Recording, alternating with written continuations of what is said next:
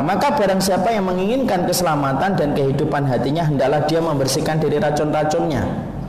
Karena kita tidak akan mampu membersihkan hati kita sampai kita membersihkan hati kita dari racunnya. Dan racun hati itu ada empat. Racun hati ada empat. Kita buka halaman 34. Racun hati itu ada empat. Apa yang disebut dengan racun hati? Yang pertama, banyak bicara. Yang kedua, banyak makan, melampaui takaran. Yang ketiga, banyak melihat, banyak memandang. Yang keempat, banyak bergaul, tetapi melampaui batas. Sebelum kemudian kita membahas tentang empat racun itu, jadi empat racun pada hati itu kata Imam Ibnu Qayyim ada empat: banyak bicara, banyak makan, banyak memandang, kemudian banyak bergaul. Sebenarnya empat-empatnya itu mubah atau tidak mubah? Boleh atau tidak boleh? Boleh. Bicara itu boleh, memandang itu boleh, bergaul itu boleh, makan itu boleh. Artinya hukum asal dari empat perkara ini adalah boleh. Kapan dia bisa menjadi racun? Ketika berlebihan.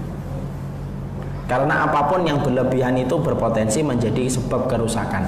Kapan empat perkara ini menjadi racun ketika berlebihan? Banyak bicara melampaui kebutuhan, ah, itu menyebabkan racun. Apa pun yang melampaui batas itu sifatnya pasti menjadi racun. Tubuh kita ada imunnya, tapi kalau imunnya kelebihan, maka dia menjadi racun bagi tubuh kita. Makanya saya punya seorang teman ustadz Beliau luar biasa orangnya baik, solih. Dia sering minum herbal bu, tapi tidak pakai takaran. Apa yang terjadi? Imunnya itu terlalu besar daripada yang dibutuhkan. Apa yang terjadi? Imun itu menggerogoti tubuh beliau. Makanya sampai beliau jatuh, tidak bisa ngapa-ngapain, kulitnya melepuh dimakan sama imun yang terbentuk karena dia minum herbal tanpa aturan. Ngelupas kayak ngelupasnya kulit ular dan akhirnya meninggal dunia. Semoga Allah merahmati beliau orang baik, orang soleh. Di situ kita memahami apa pun yang berlebihan itu itu racun. Imun, sistem kekebalan tubuh itu diperlukan. Kalau kita tidak punya imun, maka kita akan sakit, sakit, sakit tanpa bisa kita bisa sembuh dan tubuh kita tidak punya daya menolak penyakit. Kalau kita tidak punya imun, tapi kalau imun dibuat berlebihan, maka imun justru merusak. Sama, bicara itu boleh, Memandang itu boleh, makan itu boleh, bergaul itu boleh, tetapi tidak sampai melampaui batas. Dan ketika melampaui batas, maka itulah yang akhirnya menjadikan kita memahami apa pun yang melampaui batas itu akhirnya menjadi racun. Dan itu ada empat, yaitu yang bagaimana yang kita terangkan. Sekarang mari kita buka. Kita bicara yang pertama. Banyak bicara itu termasuk salah satu racunnya hati. Ini pas saya ngomongnya ini di depan para umahat yang memang fitrahnya dan ujiannya memang banyak bicara. Tapi memang kita harus paham. Sebelum saya bicara yang sifatnya hal-hal yang sifatnya harus disadari, saya harus nerangkan dulu. Kenapa sih perempuan itu diberikan fitrah untuk banyak bicara Ustadz? Kala para ulama adalah karena fitrahnya perempuan itu dibuat banyak bicara oleh Allah karena dia dalam posisi mengajari anaknya ketika anaknya lahir dari rahimnya. Makanya perempuan itu perbendaraan katanya itu jauh lebih banyak daripada perbendaraan kata seorang laki-laki. Suami itu bu, walaupun di luar rumah banyak bicara, kalau sudah pulang ke rumah masih kalah dengan bicaranya seorang istri. Karena kita harus paham hikmahnya apa sih? Wanita itu dibuat oleh Allah banyak bicara dan banyak kosakata dan kata-kata yang dia ucapkan karena anaknya dia nanti pertama kali yang akan mendidik dia itu adalah ibunya. Coba kalau anak kita yang mendidik pertama kali adalah bapaknya, padahal bapaknya jarang ngomong, oh bisa jadi anak kita tidak bisa ngomong, delay nanti bicaranya. Kalau istri kita sudah ngomong, masya Allah ya, luar biasa apa aja diomong?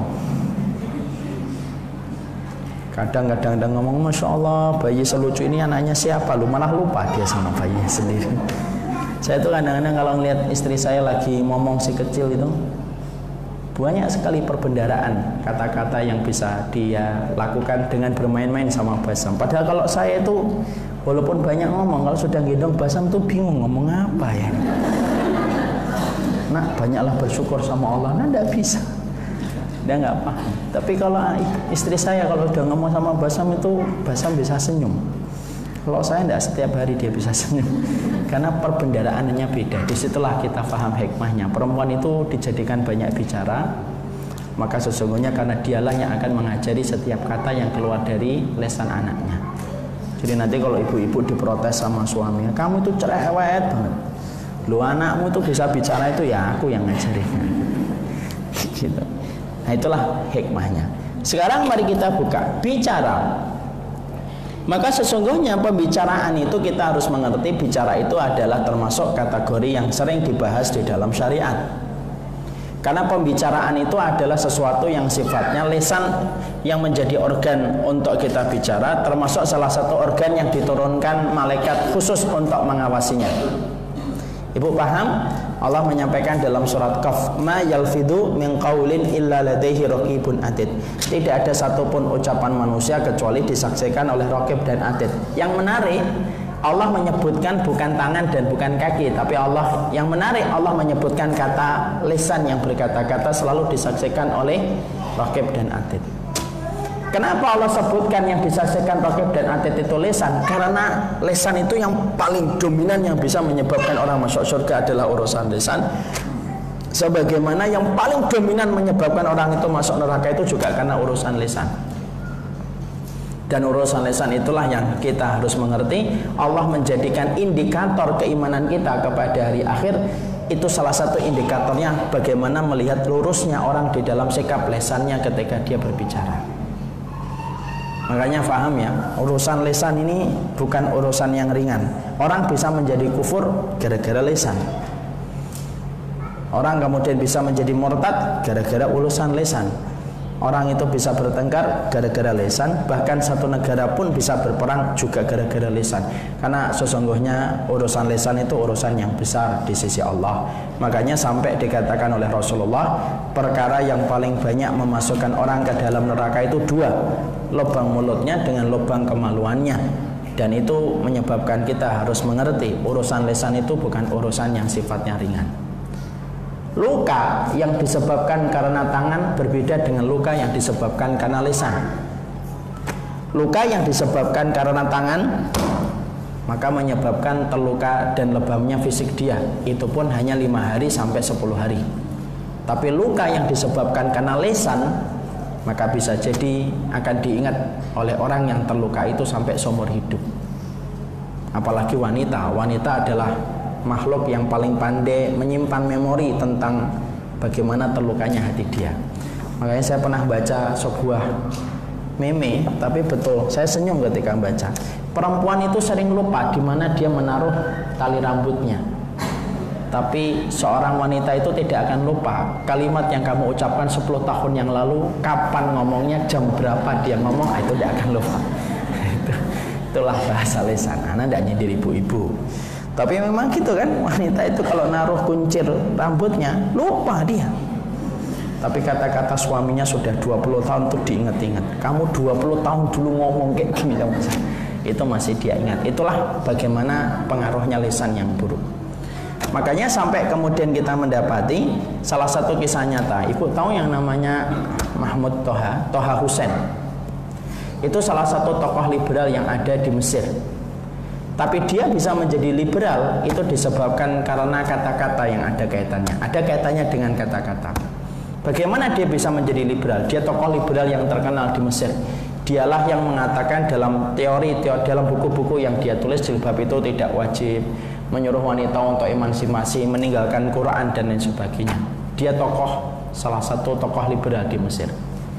Ternyata dia itu buta dan ketika kecil itu sebenarnya dia adalah orang yang nampak jiwa-jiwa kesolehannya. Dia hafal Quran walaupun dia buta. Sudah menghafalkan banyak ayat suci Al-Quran. Dia ngikutin banyak perlombaan-perlombaan. Toha Husain ini banyak ngikutin perlombaan. Sampai pada satu waktu ketika ada perlombaan maka dia dipanggil oleh salah satu syekh dari Al-Azhar. Syekh Al-Azhar ini memanggil dia dengan panggilan yang menyakiti, yang menyakitkan dan menyakiti perasaannya. Dipanggil, "Ya bunayya ya faqidal basar." Hei, anak yang buta matanya, ayo maju. Sebenarnya syekh ini tidak bermaksud melukai. Dia memang memanggil sebagaimana kondisinya.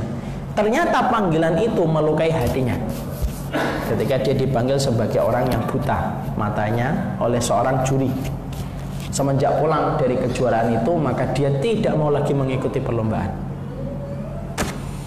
Dan dia sudah mulai benci sesuatu yang ada kaitannya dengan Al-Azhar. Sampai menjadi-jadi sampai mengkristal klimaksnya dia belajar ke luar negeri kalau tidak salah di Perancis. Pulang-pulang dia bermusuhan hebat dengan Al-Azhar dan termasuk salah, to salah satu tokoh liberal. Dan ternyata disebabkan ucapan lisan yang pernah dia dengarkan ketika di waktu kecil Ibu-ibu pernah nggak ngelewatin masa kecil ada orang ngomongin kita sampai sekarang tidak pernah lupa kata-kata itu. Saking kuatnya racun yang terletak pada kata-kata kalau sudah diucapkan ketika menyakiti hati manusia. Saya tuh contoh saya. Saya punya kakak kelas tetangga saya di Kudus itu pernah ketika saya masih SD mungkin masih kelas 3 SD kali dia sudah kelas 6 SD itu manggil saya dengan kata-kata yang menurut saya menyakitkan saya itu hei anaknya Faruk sini. Biasanya kan anak SD suka memanggil nama orang tua karena saya memang dari keluarga yang sangat ditekankan untuk menghormati setiap orang yang tua. Saya tuh panggilan itu mengagetkan saya. Padahal saya tidak pernah memanggil nama bapaknya untuk saya sematkan kepada dia itu ibu sudah berlalu hampir 30 tahun lebih. Tapi sampai sekarang itu kalau ketemu dia itu saya ingat-ingat ucapan itu. Saya tidak marah saya nggak dendam enggak tapi kata-kata itu tidak pernah saya lupakan. Itulah kata-kata Makanya kenapa di dalam Islam itu keimanan itu didasarkan kepada kata-kata? Karena kata-kata inilah yang kemudian akan menjadikan kita itu mendapatkan kebaikan hidup di surga Ketika kita mendapatkan kata-kata yang baik. Dan sebaliknya orang itu akan mendapatkan neraka itu ya disebabkan kata-katanya. Makanya Rasulullah sampai kemudian mengatakan di dalam surga itu inna fil jannati hujratun yura dhahiruha min batinha wa batinuha min dhahiriha kata Rasulullah. Sesungguhnya di surga itu ada sebuah ruangan kamar yang sangat indah. Saking indahnya bisa dilihat dari depan bisa dilihat dari dalam bisa dilihat dari luar. Untuk siapa kamar-kamar surga yang begitu indah itu ya Rasulullah? Kemudian Nabi mengatakan untuk satu liman atau bel kalam. Yang ucapannya itu baik. Wat amat ta'am suka ngasih makanan sama orang yang membutuhkan wasolla dan dia sholat wanasun yamun ketika manusia itu tertidur. Dan Nabi menyebutkan untuk siapa kamar-kamar indah di surga itu? Yang pertama kali disebutkan oleh Nabi liman atau bal kalam bagi siapa pun yang mereka itu lembut perkataannya. Makanya ngomong yang baik itu di dalam Islam itu termasuk kalimat sodakoh al kalimatut tayyibatu sodakoton kalimat yang baik yang kamu tujukan kepada saudaramu itu sodakoh jadi iman itu bisa kelihatan lewat lisan. Iman itu bisa diukur dengan lisannya. Dan orang yang paling baik terhadap lisannya, orang yang paling baik menguasai lisannya itu siapa? Rasul yang paling baik menguasai lisannya. Karena sesungguhnya inilah yang menyebabkan seseorang itu dimasukkan surga dan dimasukkan neraka itu ya karena lisannya. Makanya sampai ngomong yang baik pun termasuk dibagikan menjadi sodakoh. Ibu misalkan WA sama temannya Ditanya bu gimana kabarnya? Ya ibu yang baik, yang solih, yang semoga Allah rahmati misal panjang memang. Tapi kalau kita niatkan kita ngomong yang baik, maka itu menjadi sodakoh. Dan orang itu akan orang yang terbiasa baik itu akan ketemu dengan sesuatu yang baik. Orang yang ngomongnya buruk, ya ketemunya sama orang yang akan buruk ngomongnya. Itu sebuah kaidah itu. Orang yang sering membuang muka. Ketemunya orang yang sering nyari muka. Nah, itu sudah ketemu. Orang ngomong yang baik itu ketemunya juga orang yang ngomongnya baik. Makanya kalau ada orang kok tiba-tiba dijauhkan dari ibu nah kita khusnudan sama Allah itu apa? Oh mungkin frekuensi kita omongannya memang nggak ketemu. Dia cocok sama orang yang suka menghujat kita nggak cocok sama orang yang menghujat. Nggak frekuensi nggak ketemu. Dan lesan itu tanda kebaikan. Makanya orang kalau semakin paham agama, semakin sedikit bicara apalagi dalam persoalan-persoalan yang gede. Ada orang ustadz belajarnya di mana kita tidak ngerti, kitab apa saja yang sudah dikaji apa saja belum kita tes dan belum kemudian dimengerti oleh halayak umum dia ngomong perkara besar dengan kata-kata yang menyakitkan dan menghujat itu tanda barometer imannya itu sebenarnya ada karena kita tidak pernah temukan ulama salaf itu bicara kayak gitu apalagi ketika ngomong sudah masalah darah dan masalah kehormatan orang itu tidak mungkin dia akan bicara buruk Orang yang semacam itu ketemunya dengan yang buruk. Orang yang gampang menghujat dia ketemunya gampang menghujat. Kalau kita ngomong yang baik, feedbacknya pun akan ketemu sama yang baik. Dan urusan lisan ini urusan besar ini. Apalagi ketika lesan ini sudah berkata-kata tentang seseorang. Apalagi ketika lesan ini sudah memfonis orang. Itu tidak perkara ringan itu. Apalagi sudah menyesatkan, sudah mengatakan misalkan bangke. Nah itu hati-hati itu.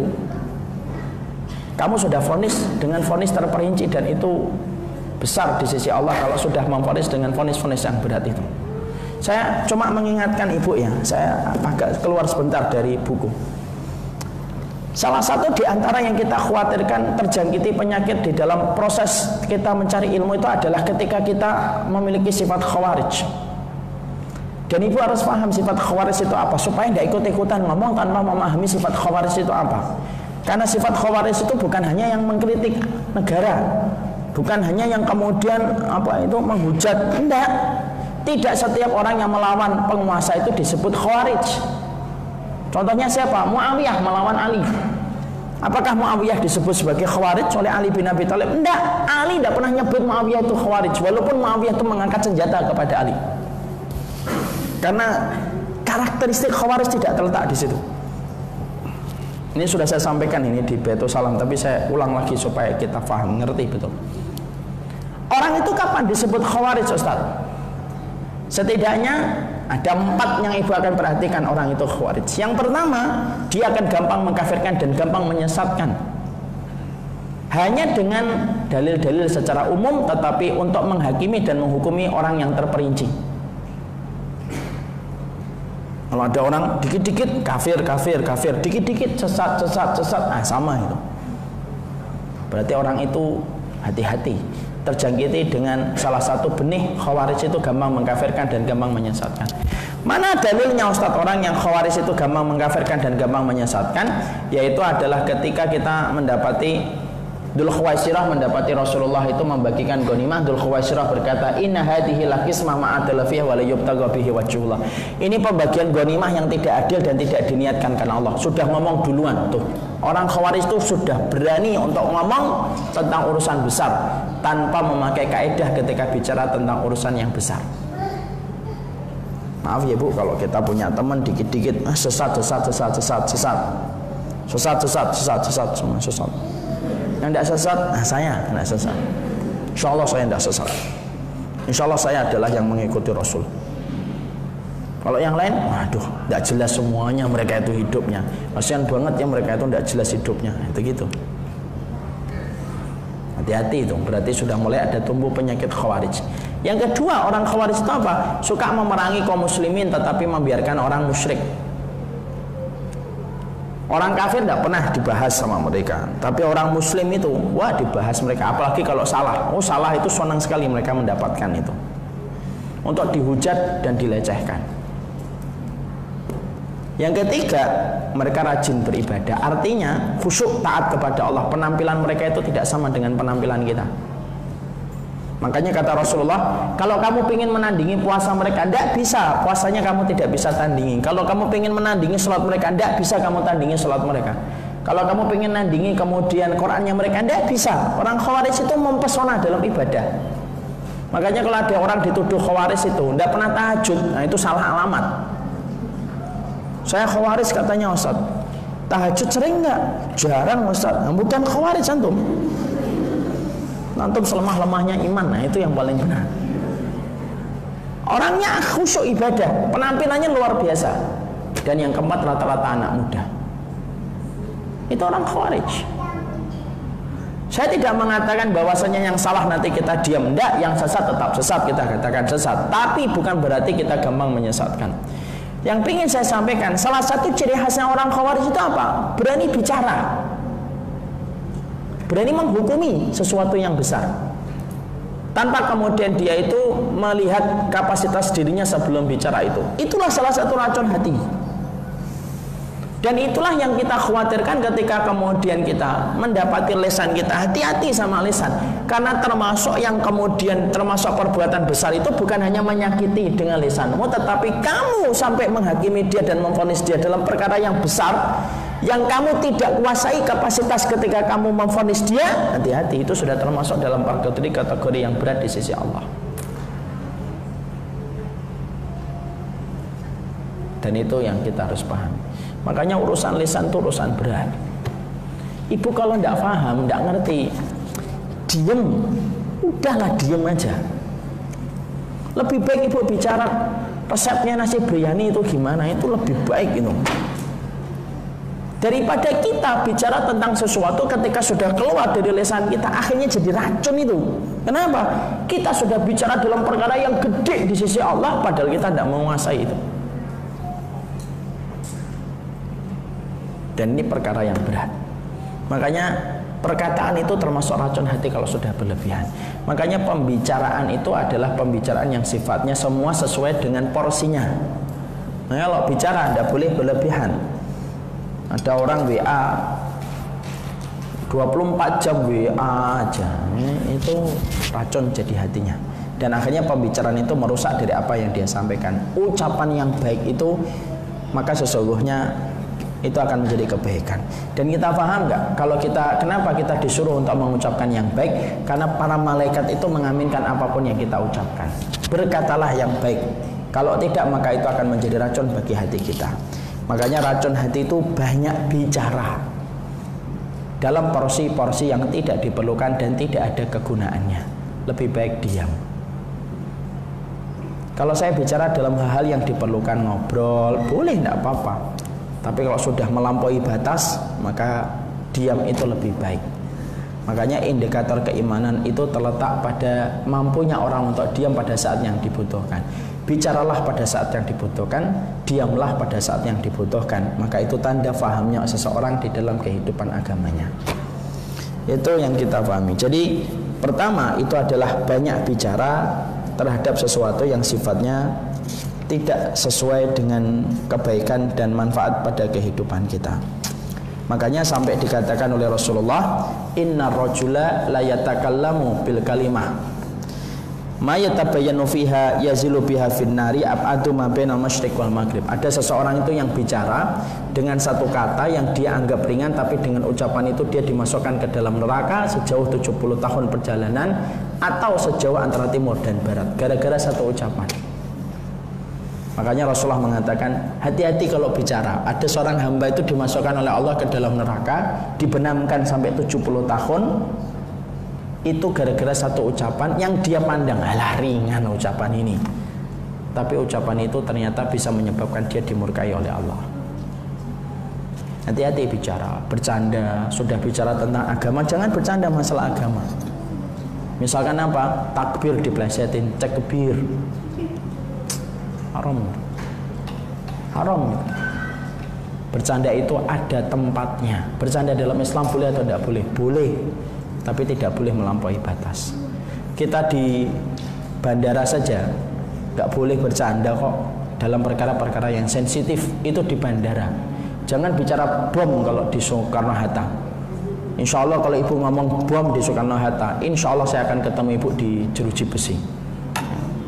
Karena pasti akan ditangkap kalau di terminal, kalau kemudian di bandara saja omongan bercanda tentang bom itu menyebabkan kita ditangkap. Loh apalagi urusan agama yang sangat sensitif terhadap perkara-perkara yang sudah dijelaskan. Dan salah satu kebiasaan orang munafik itu apa? Berbicara menggunakan agama menjadi bahan olok-olokan dan bahan ejekan. nanti kita akan bahas dosa-dosa apa sih Ustaz yang biasanya diucapkan oleh lisan? Ada lima dosa yang sering diucapkan lisan. di mana lima dosa inilah yang menyebabkan banyak manusia itu dikategorikan masuk kepada penduduk neraka ketika dia mengucapkan lima dosa ini. Apa lima dosa yang diucapkan oleh lisan? Nah itulah pembahasan kita dalam